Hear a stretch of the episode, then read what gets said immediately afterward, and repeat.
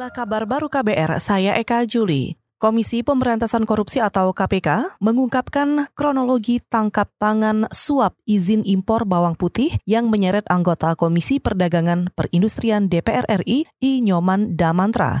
Ketua KPK Agus Raharjo menjelaskan, sebelumnya tim KPK telah memastikan terjadi transaksi tipikor. Setelah itu, tim mengamankan pihak swasta, yakni Elvianto dan orang kepercayaan Nyoman, Mirawati Basri, dan sopir Nyoman, serta pihak swasta Made Ayu di sebuah pusat perbelanjaan di Jakarta Selatan. Kemudian KPK meningkatkan status penanganan keperkara kepenyidikan dengan enam orang sebagai tersangka, yaitu yang diduga sebagai pemberi ada tiga, saudara CSU atau Afung, saudara DDW, dan saudara ZF, ZFK ketiga-tiganya adalah swasta. Kemudian diduga penerima, saudara INY, anggota DPR tahun 2014-2019, saudara MBS, orang kepercayaan INY, dan saudara ELP swasta. Ketua KPK Agus Raharjo menambahkan, tim KPK juga sudah menahan pihak swasta bernama Zulfikar dan Syafiq.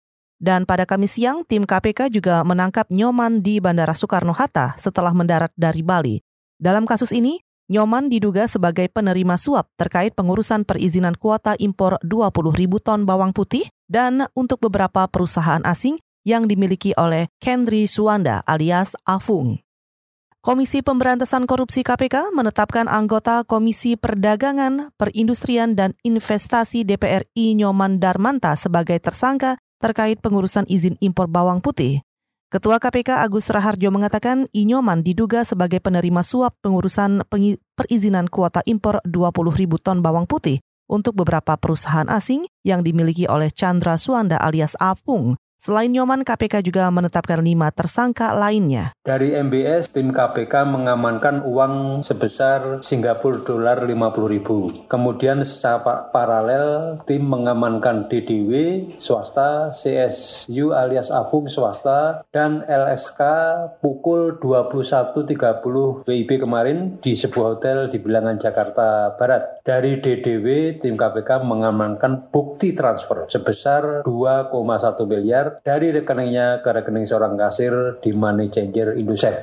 Ketua KPK Agus Raharjo juga menyebut KPK menemukan ada alokasi fee hingga Rp1.800 untuk setiap kilogram bawang putih yang diimpor ke Indonesia. KPK juga menyita barang bukti uang dalam mata uang asing senilai 50 ribu dolar Singapura dan alat bukti transfer via money changer sebesar 2,1 miliar rupiah.